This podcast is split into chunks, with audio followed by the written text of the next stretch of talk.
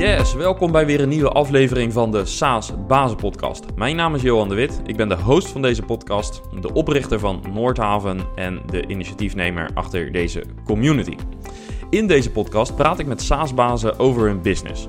Naast deze podcast is er ook een besloten community voor founders van SaaS-bedrijven of mensen met een C-level functie binnen een SaaS-bedrijf. Je ontmoet daar andere SaaS-bazen en je staat rechtstreeks met ze in contact om kennis en ervaring uit te wisselen. Ga naar community.saasbazen.nl.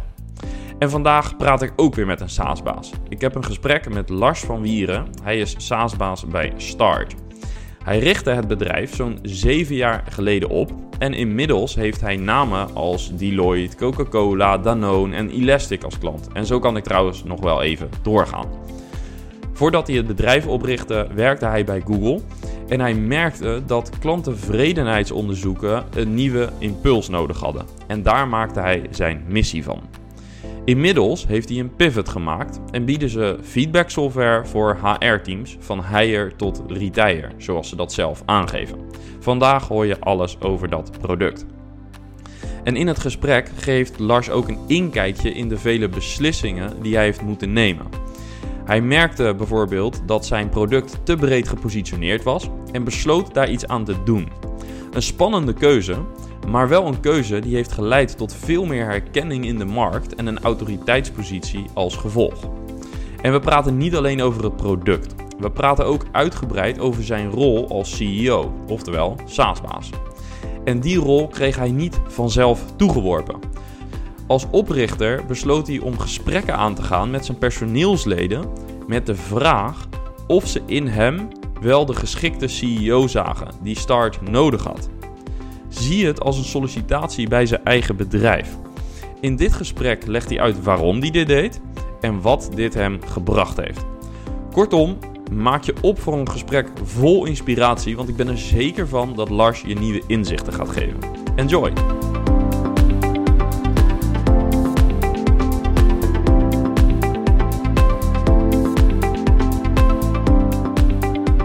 Ja, Lars, welkom in de SaaS Bazen podcast. Dankjewel voor de uitnodiging. Yes, ja, we nemen deze virtueel op. Ehm, deels uh, door uh, drukke agenda's, maar natuurlijk ook een uh, klein beetje door corona. En we gaan het vandaag hebben over jouw bedrijf, Start, als ik dat goed uitspreek. Um, als we even een kleine stap terug in de tijd maken. je hebt gewerkt bij Google en je bent nu SaaS-baas sinds 2013. Uh, kun je ons meenemen uh, naar de start van uh, dat avontuur en nou, misschien gelijk een goed moment om jezelf even kort voor te stellen? Ja, dankjewel. Nou, mijn naam is Lars van Wieren, de oprichter van Start. Ja, ik kom uit een ondernemersfamilie, dus het ondernemersbloed zat er al vroeg in. En eigenlijk als ik helemaal terugdenk, had ik op mijn dertiende mijn eerste bedrijfje. Samen met mijn neefje. En dat heette dus een familiebedrijf. Het heette uh, CarClean BV. Het was geen officiële BV, maar we vonden dat wel professioneel klinken. En waar het eigenlijk op neerkwam, is dat we briefjes in de bus hadden gedaan bij de hele, of in de hele wijk.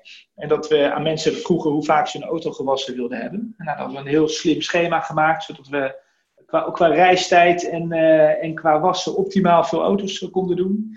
Nou, dat leverde denk ik 50, 60 euro, of nou, gulden, 50, 60 euro gulden per zaterdag eh, op. En dat werd einde middag eh, geïnvesteerd in cd's als eh, Happy Hardcore 3 en Jabba Dabba Dance 4. Dus dat was het, dat was het businessmodel. Ik ben toen gaan studeren bedrijfskunde en als afstudeerrichting Small Business en Entrepreneurship.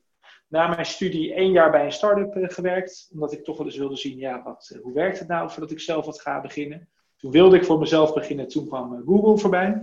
Toen dacht ik, ja, hoe erg kan het zijn om nog een paar jaar Google-ervaring te hebben? Uh, en na drie jaar Google, ja, toen begon het toch wel echt te kriebelen. En toen ben ik uh, Start begonnen. Ja, daar gaan we het zo over hebben. maar nog heel even terug, want je deed, je was eigenlijk al op je dertiende was je dus bezig met abonnementen verkopen. Want daar komt het eigenlijk op neer. Dat was ook al een vorm van as a service. Dus car clean as a service. Ja, het was absoluut uh, as a service. En we hadden dat, uh, vond, ik, vond ik best wel slim, door, door echt precies te kijken uh, hoe vaak mensen het gewassen wilden hebben. met zo'n heel schema uitgeschreven, hadden we het, ja, hadden het al vrij snel geoptimaliseerd. Ja, dat klinkt veelbelovend, denk ik, als je jezelf op die leeftijd al bezig zag op die manier. Dus nou ja, ja, goed bewijs van het ondernemersbloed, denk ik. Um, nou, uiteindelijk ben je dus met Start begonnen. Ehm, wat kun je daarover vertellen? Wat, wat was het probleem wat je wilde oplossen en hoe kwam je dat probleem in de markt tegen? Ja, dus ik had eigenlijk altijd al wel een radar aanstaan voor problemen, want ik wist ik wil ondernemen.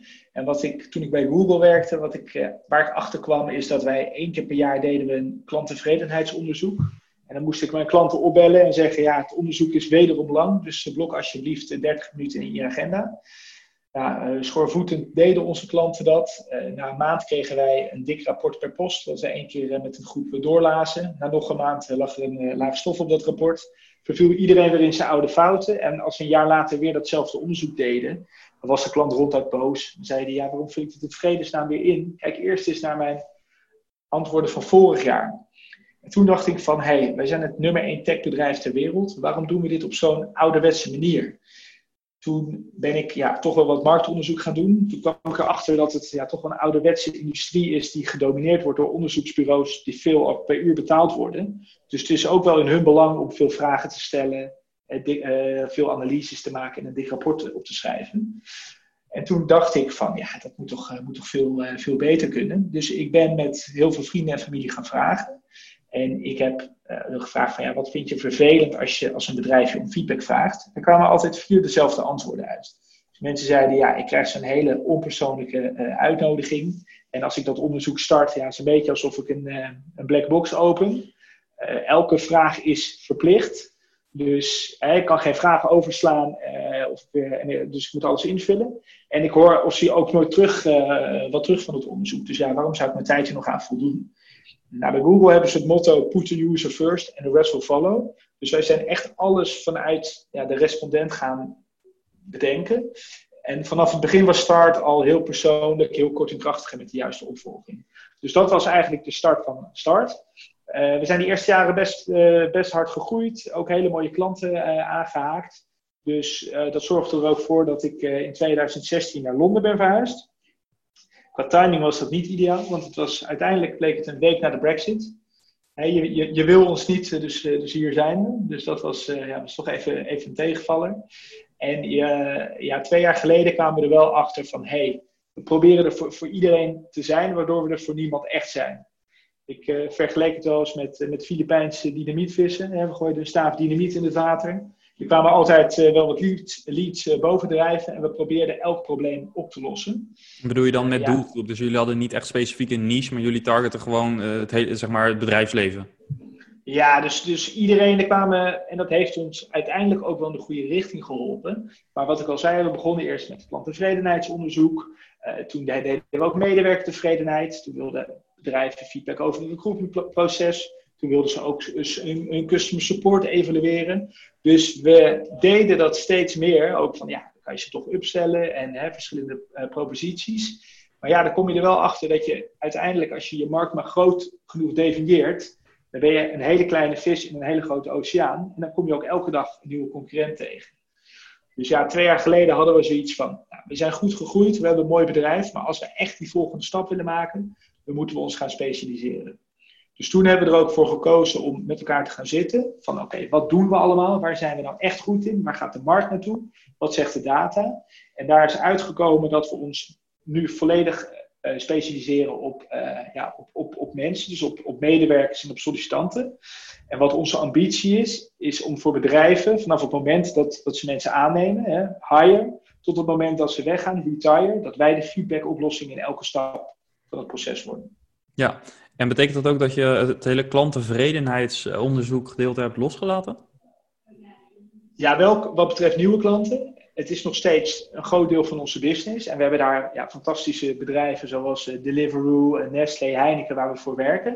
En die zijn ook nog, nog tevreden en actief. Maar we hebben wel gezegd, en dat, is, dat doet ook best wel pijn. En in het begin hink je toch op twee gedachten. Maar we hebben gezegd, als we echt die stap willen maken, dan moeten we nu ook nee zeggen tegen die nieuwe business. Ja, Daar is uh, denk ik ook veel lef uh, voor nodig. Ik hoor dit vaker bij SaaS-bedrijven die heel breed inzetten, maar op een gegeven moment merken van ja, we concurreren met heel veel bedrijven die eigenlijk in al die specialismen, in elke deal, zijn zij eigenlijk uh, beter of snappen ze de markt beter, terwijl we misschien op functionaliteit wel hetzelfde hebben. Um, nu kan ik me voorstellen dat dat voor jou al heel erg spannend is hè, als founder. Want je, uh, je, hoe je het ook bent of keert, je gelooft er natuurlijk in. Maar tegelijkertijd ga je dus ook nee zeggen tegen uh, misschien bepaalde opportunities waar je in het verleden gewoon een goede deal kon maken. Um, hoe heeft je team hierop gereageerd? Ik moet zeggen dat het deels gedreven ook wel werd uit het team. Dus dat vond ik eigenlijk ook wel heel gaaf. Dat zij ook wel zeiden van, ja, wat, voor wie zijn we er nou echt? Hè? Je, je merkt ook de jongere generatie die willen ook heel duidelijk, uh, ja, die willen een purpose, die willen een missie, die willen een visie. En die merkten ook van, ja, we, we gaan toch steeds achter dat shiny object aan. Voor wie willen we er nou echt zijn? Dus ik moet zeggen dat het bij mijn managementteam eigenlijk meer overredingskracht kostte. Zeker ook in het begin. Want ja, maar laten we deze nog wel doen. Heel, heel groot bedrijf, hele mooie lied. Dan uh, dat het bij de jongere, jongere garde het geval was. Ja, dus die kwamen eigenlijk uh, goed mee, of daar werd het zelfs misschien uh, dus uh, goed ontvangen en gestimuleerd. Ja. Um, hoe heb je dat verder aangepakt? Want je zegt, we zijn met elkaar gaan zitten. Maar kun, kun, je ons een beetje meenemen naar dat proces? Want dat is niet iets wat je even in een week doet, neem ik aan. Nee, daar gaan wel heel veel sessies overheen. En het is, denk ik, mochten bedrijven dit willen doen, is het eerst de zaak om met elkaar te definiëren, oké, op welke onderdelen gaan we alle proposities beoordelen? Want uiteindelijk is het bij ons zelfs zo gegaan dat elke propositie een score van 1 tot 100 uh, kreeg. En ja, uiteindelijk kwam er eentje met de hoogste score uit en daar zijn we ook vol voor gegaan. En, en dan is het zaak om te kijken van, oké, op welke onderdelen gaan we, gaan we ranken? Dus we zijn gekeken, gaan kijken naar huidige klanten, naar concurrentie, naar waar gaat de wereld naartoe. Dus zo hadden we een aantal uh, punten. Sommige waren iets meer ja, toch wel aan onze eigen interpretatie. Andere, andere waren gewoon hele duidelijke datapunten. En toen zagen we eigenlijk voor het eerst ook met z'n allen van oké, okay, maar we moeten, ja, hier ligt de kans, hier moeten we vol voor gaan. Ja, dus eigenlijk zeg je, bepaal je criteria. Uh, kijk ja. daar bijvoorbeeld naar schaalbaarheid, naar uh, marktomvang, dat soort zaken. En ga dan vervolgens met elkaar al die criteria, ga, ga, de opties ranken en ja. uh, durf je beslissing te nemen. Ja, en dat is ook wel hè, wat ik net zei. We waren een hele kleine vis in een hele grote vijver. En nu zijn we ja, een, grote, of een hele kleine vis in een grote oceaan. En nu zijn we een grote vis in een ja, relatief kleine vijver. Maar als je je markt maar ja, klein genoeg specificeert ook, dan ben je al snel een marktleider of zelfs wereldleider. Dus ik kan nu zeggen dat als jij een bedrijf bent en je wil feedback over je recruitingproces en je gebruikt een bepaald recruitmentsysteem, ja, dan moet je ons hebben. Dan zijn wij de enige echt serieuze optie waar je naar kan kijken. En wij zijn nu vol achter die niche aan. En dat betekent wel dat er, dat er veel minder bedrijven onze potentiële klant zijn. Maar het geeft ook wel rust. Want vroeger weet ik nog, of ik, ik stond op een feestje of ik was op een netwerkborrel. En ja, als iedereen je klant kan zijn, dan blijf je ook overal die opportunity zien. Dus ik was altijd ook wel bezig van, hey, loopt je niet de potentiële klant? Nu weet ik in deze wereld, ik weet welke 2000 mensen ik moet hebben. Ja, en die zijn we ook als, als een gek aan het targeten en via LinkedIn en overal aan het benaderen.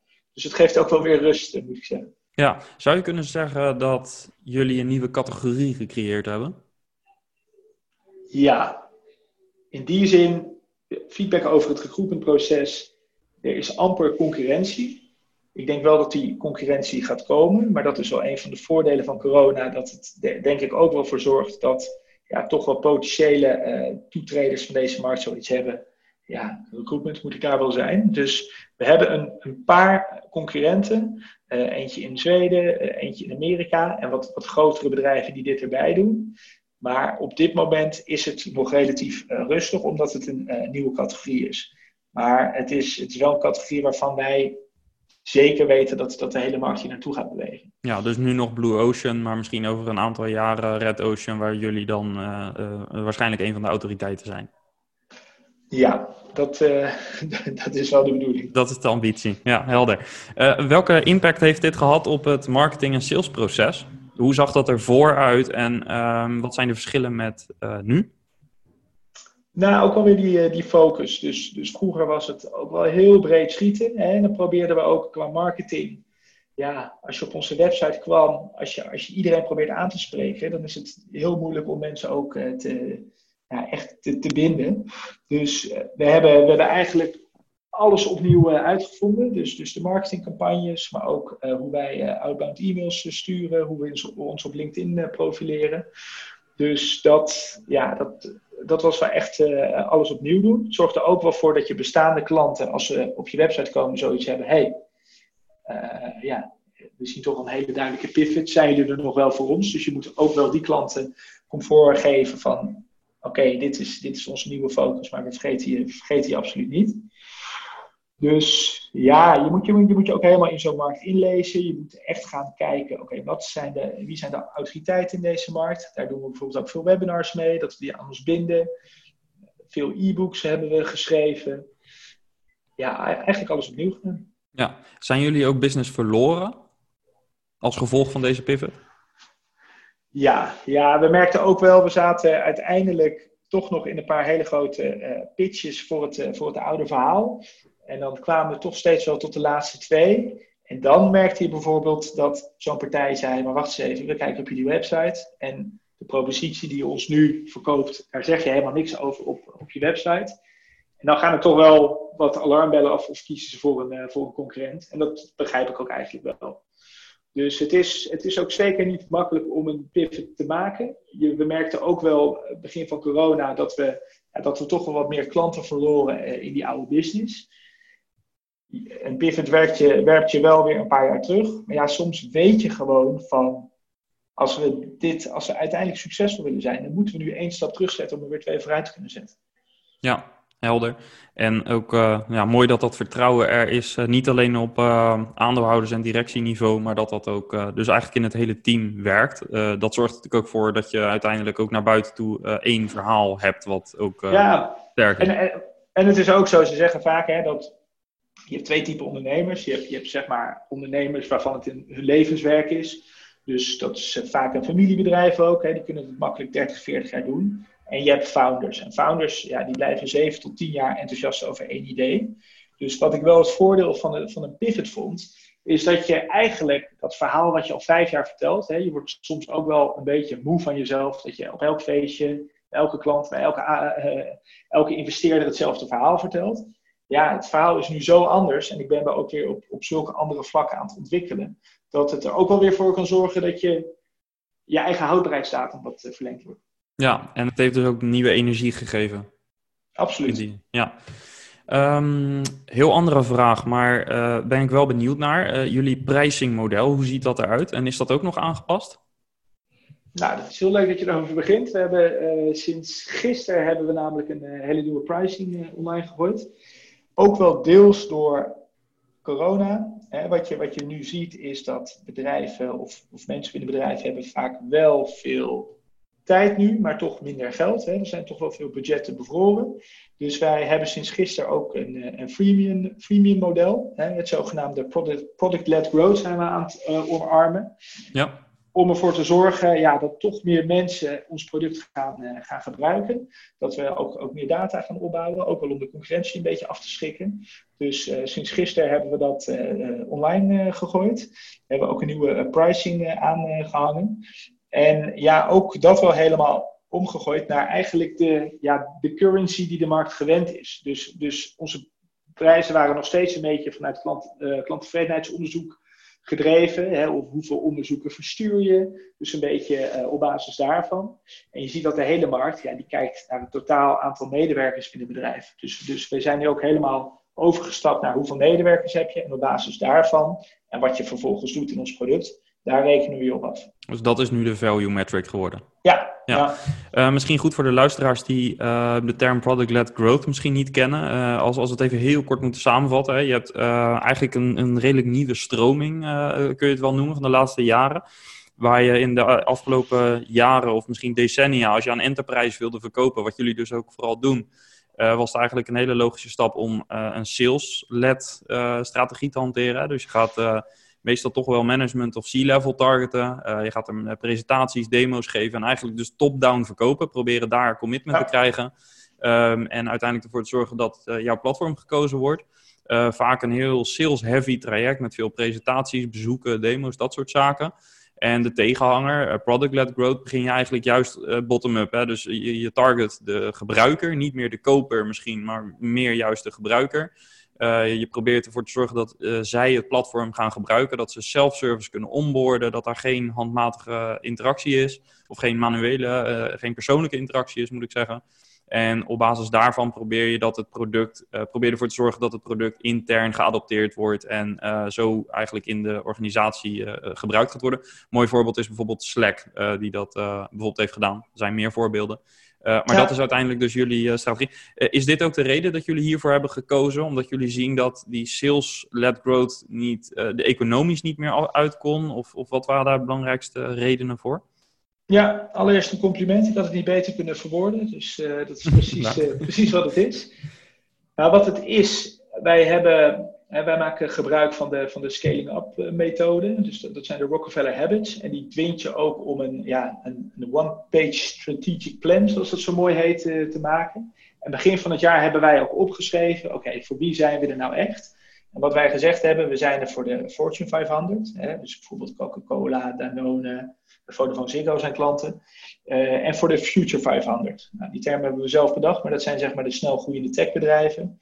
Dus wij werken al voor uh, Elastic en Spotify en uh, Better.com en dat soort bedrijven. Dus, dus dat is onze target. Dat zijn vaak toch al wel grotere bedrijven. En daar zie je nog, toch nog vaak wel uh, die sales-led growth. Dus een presentatie geven, het product misschien een maand testen. Maar we zien eigenlijk een hele lange longtail van bedrijven die dit heel graag willen. Maar waar, ja, waar wij niet die sales tijd voor hebben. Omdat of, dat het voor ons economisch nog niet interessant is. Maar ja, dat zijn toch wel mensen die en uh, een advocaat van je product uh, kunnen worden. En misschien nu bij een kleinere organisatie werken, maar op een gegeven moment bij een grote organisatie gaan werken. En dan je product afsluiten. Een van de, van de voordelen, ja, het klinkt, uh, klinkt een beetje cru, maar van de voordelen van corona is op het moment dat er in Amerika zoveel mensen werden ontslagen, heel veel recruiters, ook die ons product gebruikten, nou, die zijn nu, duiken die op op andere plekken. En een van de eerste dingen die ze doen is onze briefje sturen van hey, kan ik jullie systeem weer gebruiken. Dus het is wel echt een goede manier om ja, veel meer uh, word of mouth te hebben, veel meer mensen het gebruiken. Dat je ook toch wel veel meer uh, data gaat verzamelen. Hè, wat je zegt, op een gegeven moment uh, gaan er weer meer concurrenten komen. Maar als wij zoveel data hebben, dat wij alle benchmarks van de industrie hebben, dan komt er gewoon niet zo snel een concurrent tussen. Dus eigenlijk als we dat allemaal optellen, hadden we zoiets van, ja, hier moeten we voor gaan. Gaat het een succes worden? We weten het niet. We gaan het zien. We zijn één dag live. Maar uh, ja, de eerste, de eerste aanmeldingen stromen binnen. Dus uh, het is vooral ook een heel leuk en interessant project. Het geeft uh, team energie. Ik vind het ook een heerlijk zomerproject. Dus ja, dat waren eigenlijk de redenen. Ja, klinkt goed en, en ook heel begrijpelijk. Um, is het ook zo dat jullie uh, onboarding echt ook helemaal product-led ready is. Dus dat je echt helemaal self-service kunt onboarden en een hele korte time to value hebt. Of moesten jullie daar nog aan sleutelen? Nou, we hebben het, we vrij snel live gegooid. Uh, we zagen wel gisteren al dat er wat, wat mensen vastliepen. En we hadden eerst bijvoorbeeld onze chatfunctie niet aanstaan. We dachten ook van ja, als je die chatfunctie hebt, dan krijgen we zoveel vragen. Ja, hebben we daar de handjes wel voor? Maar we hebben eigenlijk net gezegd, ja, het is eigenlijk zonde om hem niet aan te zetten, want, want dit is het moment dat we de meeste feedback kunnen verzamelen. Dus self-service onboarding, moet het naartoe? Zijn we er al? Nee, nog niet. Maar dat is ook wel omdat we het eigenlijk heel lean, heel snel hebben live gegooid. En dat we nu eh, aan het leren zijn. Dus we hebben er allemaal systemen zoals Hotjar en Mixpanel aangekoppeld. Om ook echt te leren van, hé, hey, waar lopen mensen vast? Uh, waar moeten we gaan verbeteren? Ja, heel interessant uh, ja, experiment eigenlijk. Gaat wel verder dan een experiment, want je, je zet hem echt over de hele breedte van uh, je positionering eigenlijk in. Maar uh, ja, inderdaad wel heel interessant. en ik ga het vanaf de zijlijn volgen, want ik ben benieuwd hoe dat gaat bevallen. en ook hoe dat bij de grotere organisaties, dus bij de enterprise organisaties gaat, gaat werken. Ja, Um, jullie organisatie. Um, jullie zijn dus begonnen in 2013. Kun je iets vertellen over waar jullie nu staan uh, als het gaat om aantal mensen? Uh, vanuit welke locaties werken jullie? Uh, en ja, hoe werken jullie? Is dat helemaal remote of hebben jullie offices? Ja, nee, dus um, eigenlijk wat, wat ik net vertelde, ook met de pivot, toch één stap terug doen om er weer twee vooruit te doen. Dat geldt ook wel voor de, voor de organisatie. Als ik een paar jaar terug kijk, waren we met 30 man, zaten we in Amsterdam en Londen. Uh, hadden we ook iemand in Barcelona zitten. We hebben eigenlijk nu weer alles gecentraliseerd in, uh, in Amsterdam. We hebben ook, ja, qua mensen zijn we wel iets, iets teruggegaan. Dat hebben we eigenlijk eind vorig jaar al gedaan. Het is niet dat wij hier een glazen bol hebben en dat we corona zagen aankomen. Maar je voelde al wel een soort kentering in de markt. Ik las toen ook een artikel op de New York Times. Silicon Valley is trying out a new mantra and it's called making a profit. Het ging altijd alleen maar over ongebreidelde groei, groei, groei, groei. je, je unit economics die deden er niet toe. Maar ja, vorig jaar hebben we toch best wel veel IPO's gezien die mislukt zijn. Met uh, het WeWork debacle natuurlijk uh, voorop. Waardoor je wel zag van, hé, hey, er is wat aan het veranderen in de markt. Het gaat, het gaat toch ook iets meer toe naar is dit wel een business die, uh, ja, die viable is? Is het een business die uh, overlevingskansen heeft? Dus toen zijn we al gaan kijken van oké, kunnen we onze kosten terugbrengen? Kunnen we in ieder geval cashflow break-even zijn? Dus, want wij hebben helemaal in het begin hebben een aantal informele rondes gedaan. Dus de eerste jaren hebben we iets van, van 8 ton aan informeel geld opgehaald. Daarna hebben we met de ABN AMRO hebben een innovatief borgstellingskrediet opgehaald. Dus dat is een krediet wat deels door de overheid ja, eigenlijk uh, gesponsord wordt, of in ieder geval gebackt wordt, omdat uh, je heel innovatief bezig bent. Dus daar hebben we uiteindelijk 1,7 miljoen uh, mee opgehaald. En eind vorig jaar hebben we wel gezegd van oké, we hebben nu, hè, we zitten eigenlijk weer in een hele nieuwe, we zitten in een nieuwe niche, we zitten in een nieuw vakgebied. Dus we moeten onszelf nu bewijzen dat dit een goede business is, voordat we weer meer geld gaan ophalen en hier ja, meer groei tegenaan gaan gooien. Dus we zijn nu met 20 man. We kijken nu, ja, er zitten een paar mensen op kantoor, maar de meeste mensen die, uh, die werken remote. Dat was al wel een voordeel dat mensen werkten bij ons al gemiddeld één dag per week thuis. Dus alle systemen waren erop ingericht. Toen, zelfs toen de overheid nog niet adviseerde om thuis te werken. Toen zeiden we, joh, iedereen die thuis wil werken, ga lekker thuis werken. En ik moet zeggen dat ja, sinds we remote zijn, is de, is de output een stuk hoger. Het ziekteverzuim is lager. Uh, wij, meten ook alles door. Uh, de, de medewerkertevredenheid is hartstikke hoog. Dus vooralsnog gaat het eigenlijk heel goed. Ja, en als het gaat om die uh, investeringen, je gaf aan dat je uiteindelijk via de ABN, dat borgstellingskrediet, dat, daar, dat je daar 1,7 mee hebt opgehaald. Dat was meer een lening, hè, als ik het goed heb begrepen. Ja, dat is, uh, dat is een lening.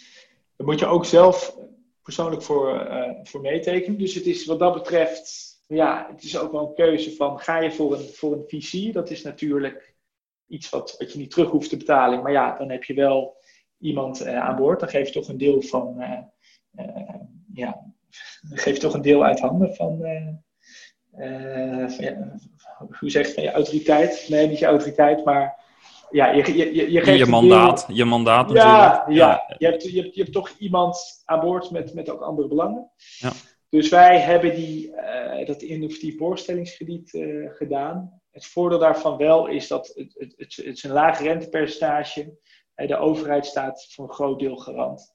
Dus dat hebben wij, hebben wij gedaan. Maar we zijn nu wel aan het kijken, zeker ook met die nieuwe propositie. En zeker omdat de meest, uh, het meeste van onze business komt nu uit, uit de US. Dus we zijn ook aan het kijken om daar op termijn in ieder geval een entiteit op te zetten. Ik weet niet of we daar echt naartoe moeten, uh, vooralsnog. Zeker ook met, uh, ja, met de nieuwe wereld. Maar ja, als je daar succesvol wil zijn in Amerika, dan moet je toch echt wel wat meer geld meenemen. Dus we zijn nu wel aan het kijken van oké, als we de US echt willen veroveren, hè, de eerste signalen zijn heel goed, maar dan moeten we wel echt een oorlogskas meebrengen. Dus uh, ja. Ja, duidelijk. Um, als het gaat even om die, uh, die, die groei, daar had je het net ook over. Uh, wat is op dit moment zo ongeveer de, de terugverdientijd van je, van je acquisitiekosten? Want dat is natuurlijk ook een belangrijke variabele, die, waar je ook met product-led growth natuurlijk ongetwijfeld in probeert te snoeien. Ja, nee, hele goede vraag. Dus wij, wij mikken op, op 12 maanden aan terugverdientijd eigenlijk tot vlak voor corona eh, zaten we daar, ja, zaten daar zelfs iets, iets onder. Dus dat betekende dat, het, uh, dat we het heel goed deden. Nu met corona, vooral, moet ik even goed nadenken, ja, de maanden maart, april, mei, dat waren wel echt hele lastige maanden. Hè. In, in SaaS heb je vaak het einde van het kwartaal vallen je meeste deals. Dus wij hadden eh, ja, de week van 20 tot 31 maart, toen stonden er heel veel uh, deals klaar om te tekenen. En daarvan zijn er gewoon heel veel doorgeschoven. Dat partijen zeiden, ja sorry, eh, alles is bevroren hier, we mogen het echt niet doen. Dus dat waren, waren lastige maanden. Dus toen is die terugverdientijd uh, is, is, is die de hele andere kant op geschoten. Hij ligt nu wel weer iets, iets boven de 12, maar ik denk wel dat we hem, dat hem richting einde van het jaar weer, weer op 12 kunnen krijgen. Ja. Jouw rol als SaaS-baas, CEO in jullie bedrijf. je bent natuurlijk de founder. je hebt er vrij vroeg een managing director bij gehaald, als ik dat goed heb gezien. dat was een oud collega bij Google. Hoe heb je dat aangepakt en wanneer kwam hij erbij? Ja, dat was, dat was mijn manager bij Google. En ik ben Start eigenlijk zelf begonnen. En na een jaar had ik zoiets van, ja, dit, dit moet je helemaal niet zelf willen. Sowieso ondernemen. Het is, uh, je denkt dat je de 200 meter sprint aan het rennen bent. En, uh, op 190 meter kom je er in één keer achter dat je de marathon aan het rennen bent. Dus dan heb je zoiets van, ja, dit moet ik helemaal niet zelf willen doen. Dus ik had toen al een groep informele investeerders. Hij had ook een stukje informeel meegedaan. Dus hij kreeg ook updates en hij hoorde waar ik mee bezig was. En toen gaf ik al aan van, joh, ik ben toch wel op zoek naar een co-founder. En hij had na zes jaar Google, had hij wel zoiets, ik wil, ik wil wat anders. Ik wil eigenlijk ook ondernemen. En ja, omdat wij elkaar dermate goed aanvulden bij Google, ja, toen belde hij mij van, joh, schiet uit de heup, maar kan ik je co-founder niet zijn? Toen uh, zijn we de ochtend gaan ontbijten en toen waren we er eigenlijk heel snel uit. Dus dat was, dat was wel heel prettig om hem, uh, hem aan boord uh, te hebben. Ja, managing director, ja, ook gezien zijn profiel, ik kon een moeilijk sales manager of iets, iets maken. Dus vandaar ook die titel. en wij zijn, het, ja, we zijn het vervolgens echt, echt samen gaan doen. Ja, en hoe ziet de rolverdeling er nu uit? Ja, ik was eigenlijk tot twee jaar geleden was ik, was ik puur de founder. Dat kwam ook, ja, dat deed ik ook omdat ik toch een bepaalde aversie heb tegen, tegen veel startende ondernemers die zichzelf CEO en founder noemen. Zoals uh, een MacBook en een cappuccino manager. Dus ik, ik heb daar zo lang mogelijk probeerde ik daar weg van, van te blijven. Maar toen we met, met 25 man waren, toen zeiden, begonnen toch wel, ja, ook wel mensen op kantoor en ook wel investeerders te vragen van joh, ja, wie, who's calling the shots? Hè? Hoe, hoe is die verdeling bij jullie? Wie doet wat?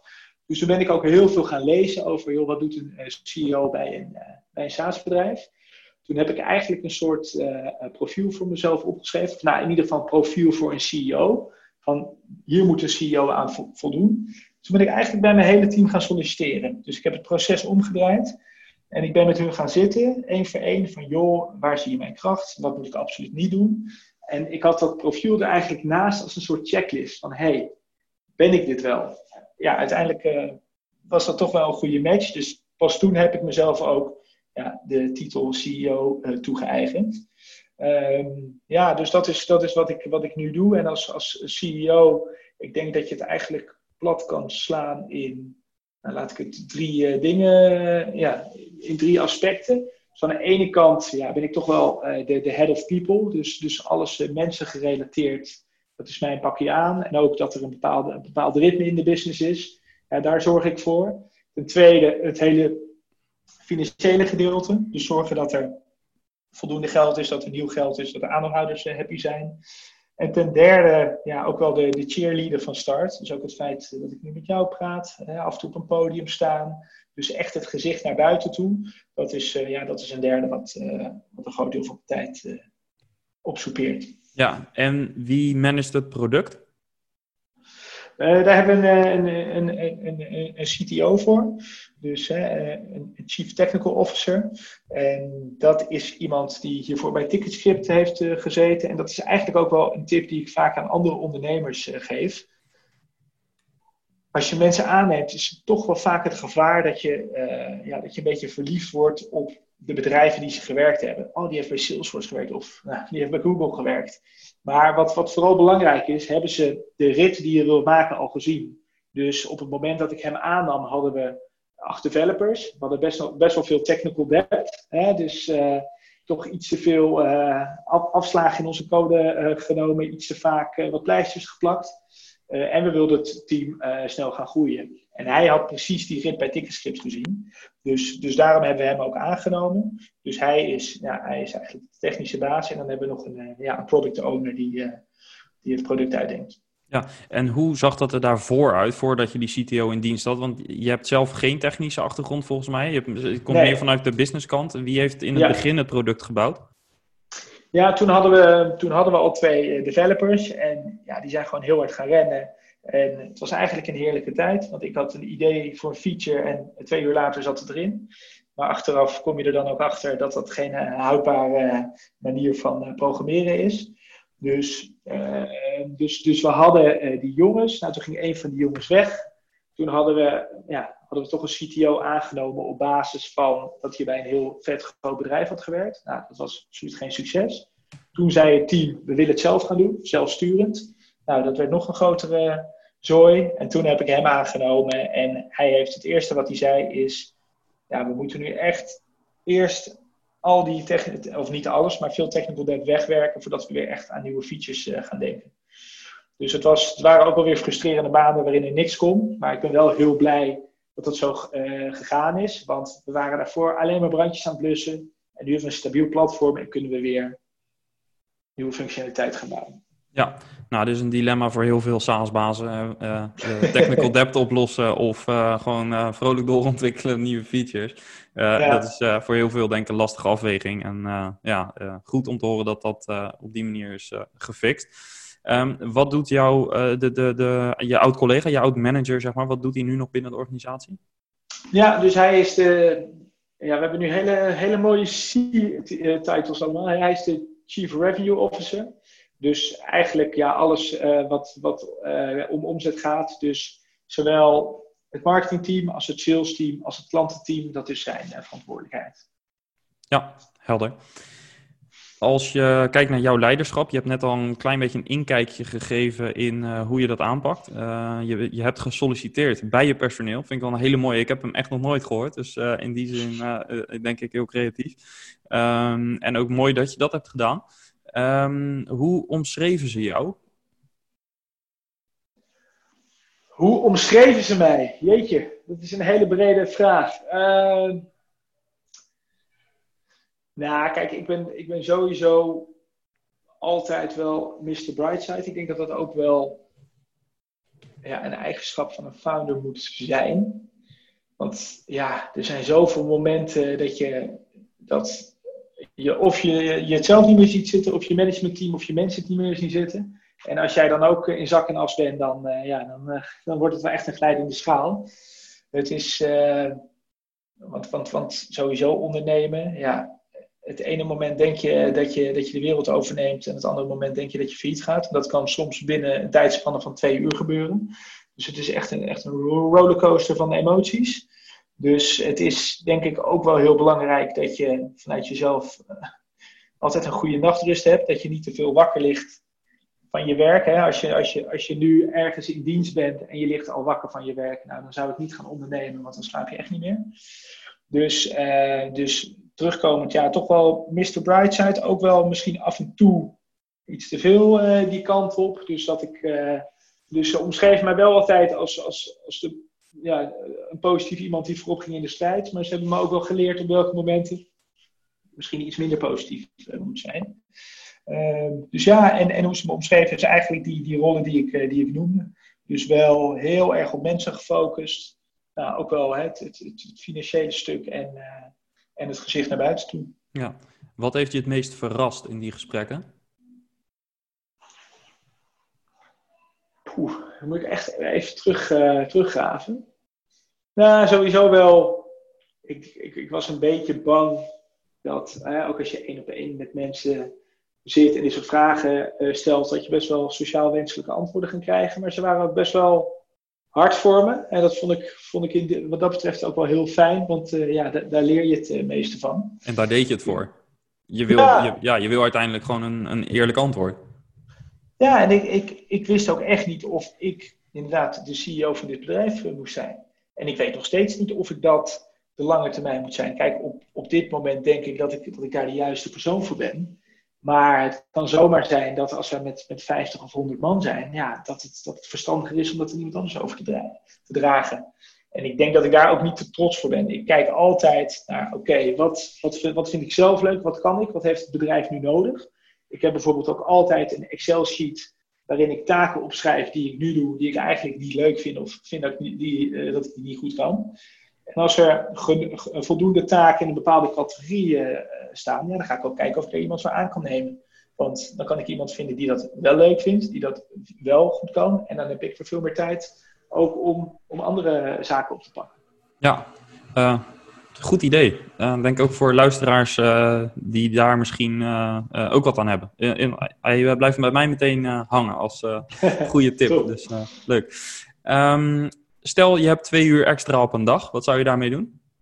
Hoeft niet zakelijk per se te zijn, mag ook iets heel anders zijn. Twee uur extra op een dag. Ja, ik heb, ik heb eigenlijk drie start-ups op dit moment. Dus ik heb start en ik heb nog twee dochters. Dus het, ik kom altijd wat uren tekort. Ja, ik, ik heb een, een, hele grote passie voor muziek. En dat, uh, die wordt nu een beetje ondergesneeuwd door die drie start-ups. Dus ik zou lekker in een schuurtje uh, een beetje dancemuziek gaan produceren. Twee uur lang even stoom afblazen. Heerlijk. Ja, klinkt goed. Nou, als je nog eens een uh, gig hebt, dan horen we het wel. Dan zijn we erbij. Um, wat, zouden we, wat kunnen we in de toekomst verwachten van jouw bedrijf, van jou? Ja, nou, we hebben echt, wat ik al aangaf, eh, de ambitie om, om echt het platform te worden waar je vanaf het, moment dat, dat mensen bij je binnenkomen totdat ze weggaan, dat wij al die feedback uh, ophalen. Dus wij, ja, onze, onze ambitie is om dat, om dat wereldwijd te doen. eerst zat ik ook wel heel erg op het spoor van hè, kantoor in Amsterdam. En toen hadden we wat in Londen. Toen hadden we iemand in Barcelona. We keken naar Stockholm, Tel Aviv. Dus om eigenlijk op heel veel plekken een kantoor te hebben. Nou, daar zijn we wel van teruggekomen. We hebben nu eigenlijk gezegd, we willen in elke tijdzone willen we een kantoor. Dus we hebben nu Amsterdam. De volgende stap zou New York zijn. Hoewel San Francisco wellicht nog interessanter zou zijn, is het tijdsverschil van 9 uur gewoon te lang met Amsterdam om ja, ook nog met elkaar goed uh, te kunnen samenwerken. Dus dan is, uh, ja, dan is de Oostkust wel een interessantere optie. En uiteindelijk ook in, in Azië, dus dan uh, denk ik al snel aan Singapore. Dus ja, onze ambitie is om op die drie plekken een kantoor te hebben. En ja, vanuit daaruit echt de leading SaaS te worden voor, voor de, de grote multinationals en voor de, voor de snelgroeiende techbedrijven.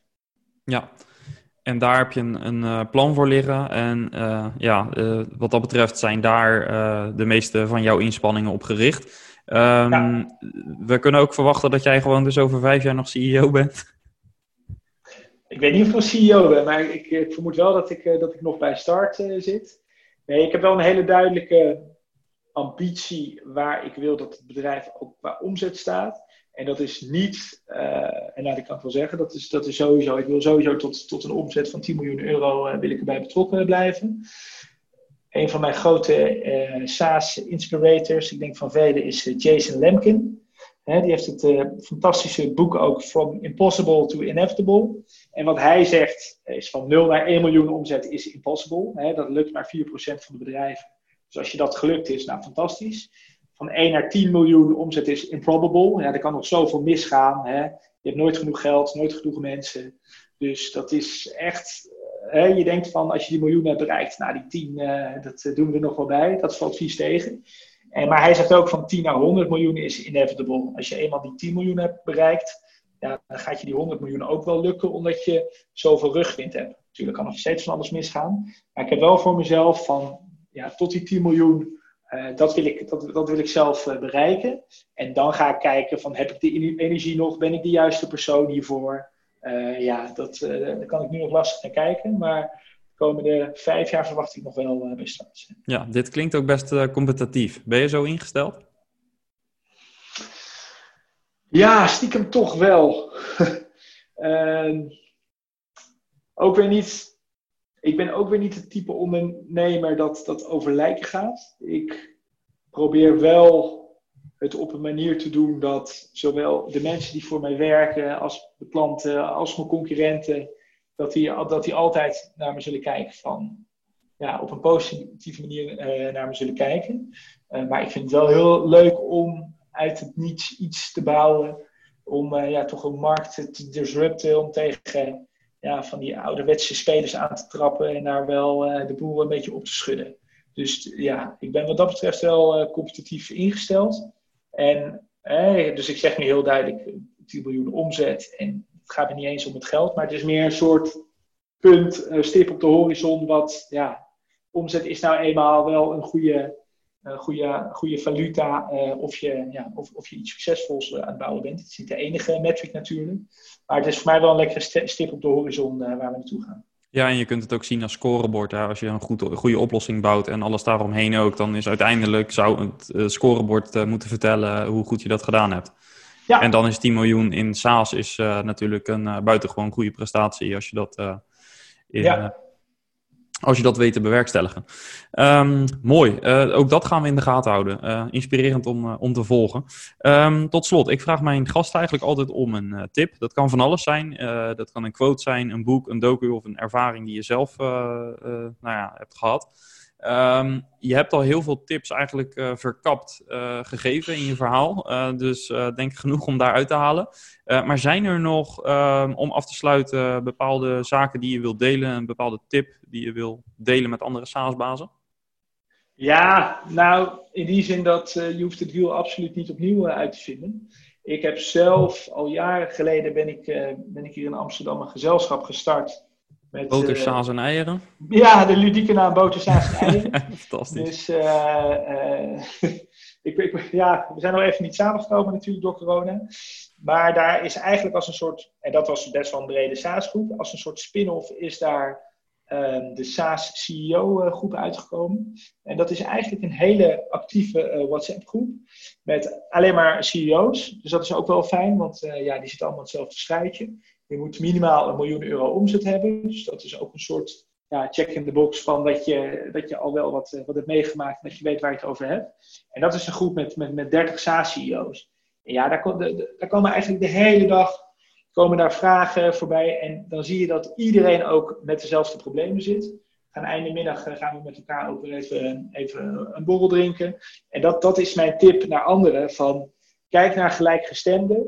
En ja, probeer van elkaar te leren. Iedereen heeft, die weet weer wat voor uh, platform je nodig hebt voor dat. Of uh, als je iemand wil aannemen, waar je dat moet zoeken. Of heeft weer bepaalde Excel-sheets die je kan hergebruiken. Er is alles, bijna alles is al een keer gedaan. Dus het, is, het zou zonde zijn als je weer opnieuw het wiel uh, gaat uitvinden. Ja, dus omring je met andere SaaS-bazen. Daar komt het eigenlijk op neer. Ja, absoluut. En focus. Daar hebben we het al over gehad. Ja, het kiezen van een niche en uh, nou, een aantal, uh, uh, het zou bijna productivity hacks noemen die ik tussendoor heb gehoord, maar ook simpelweg gewoon slimme acties die eigenlijk zijn ontstaan in nou, zo'n zeven jaar het uh, vervullen van de rol van uh, SaaS-CEO of SaaS-baas. Dus uh, zijn er nog zaken die je tot slot zou willen delen? Ehm, misschien vragen die ik niet gesteld heb, waarvan je denkt van dat vind ik toch belangrijk om, om mee te geven in, in deze podcast? Ehm, nou, we hebben het al heel even kort over gehad. Hè? Dat wij, wij hebben de, de, de scaling-up methode omarmd, hè? De, de Rockefeller Habits. Wij zijn dus heel erg naar onze organisatiestructuur gaan kijken kwam ook wel deels toen ik het boek uh, The Hard Thing About Hard Things van, van Ben Horowitz uh, las. Dat is echt een van mijn lievelingsboeken, juist omdat het gaat over wat er allemaal misgaat in je bedrijf. Niet van, dan heb je een idee en dan ga je schalen en dan heb je een exit. Hè. Er zijn heel veel goed nieuwsboeken, maar dit is eigenlijk wat er allemaal misgaat. Dus dat is een hele praktische gids. En ik werd wel getriggerd door wat hij zei. Hij zei, je kan maar het beste zo snel mogelijk de organisatiestructuur goed uitdenken.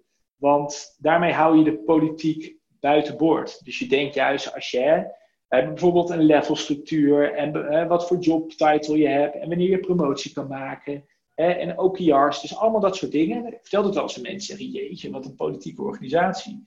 Maar juist door die duidelijkheid te scheppen, daarmee zorg je ervoor dat je die politiek buiten de deur houdt. Dus ja, wat, wat, wat voor tip ik mensen nog wel zou geven, hè, ga dat scaling up lezen. Er staan fantastische ook templates in die je, ja, die, die je kan gaan vullen. En daarmee zorg je echt dat je een bepaald ritme in je business krijgt. Dat, dat iedereen weet waar die aan toe is. En tuurlijk, je gaat nog steeds meetings hebben. Maar wel hele gestructureerde meetings. En voor de rest weten mensen welke richting ze moeten rennen. Dus dat heeft, heeft ons ook enorm geholpen. Ja, dus ook dat is weer gebruik maken van de kennis van anderen. En in dit geval dus ook uh, de mensen die in de praktijk dit al uh, vaak hebben gedaan. Ja, uh, ja. goeie om mee af te sluiten. Ik zal de boeken ook in de show notes vermelden. Ik, dit is een aanname, maar toch denk redelijk safe. Veel SaaS-bazen hebben deze boeken wel gelezen of op de boekenplank staan. voor iedereen die dat niet heeft, dit zijn absoluut twee aanraders. kan ik ook uit eigen ervaring zeggen. Dus wat dat betreft een hele goede en ja, nuttige aanvulling. Dank daarvoor. En uh, ja, in bredere zin uh, dank voor het uh, delen van het verhaal. Interessant om, om te horen hoe je nou ja, uiteindelijk de niche hebt gekozen, hoe je de pivot hebt door, doorstaan en, en waarom en hoe je dat hebt gedaan. Ik denk interessant voor heel veel SaaS-bazen die in een soortgelijke situatie zitten. Dus ja, nogmaals, dank daarvoor. Ja, ja, dank voor de uitnodiging en de goede vragen. Yes, en tot zover dus mijn gesprek met Lars van Wieren, de SaaS-baas van Start.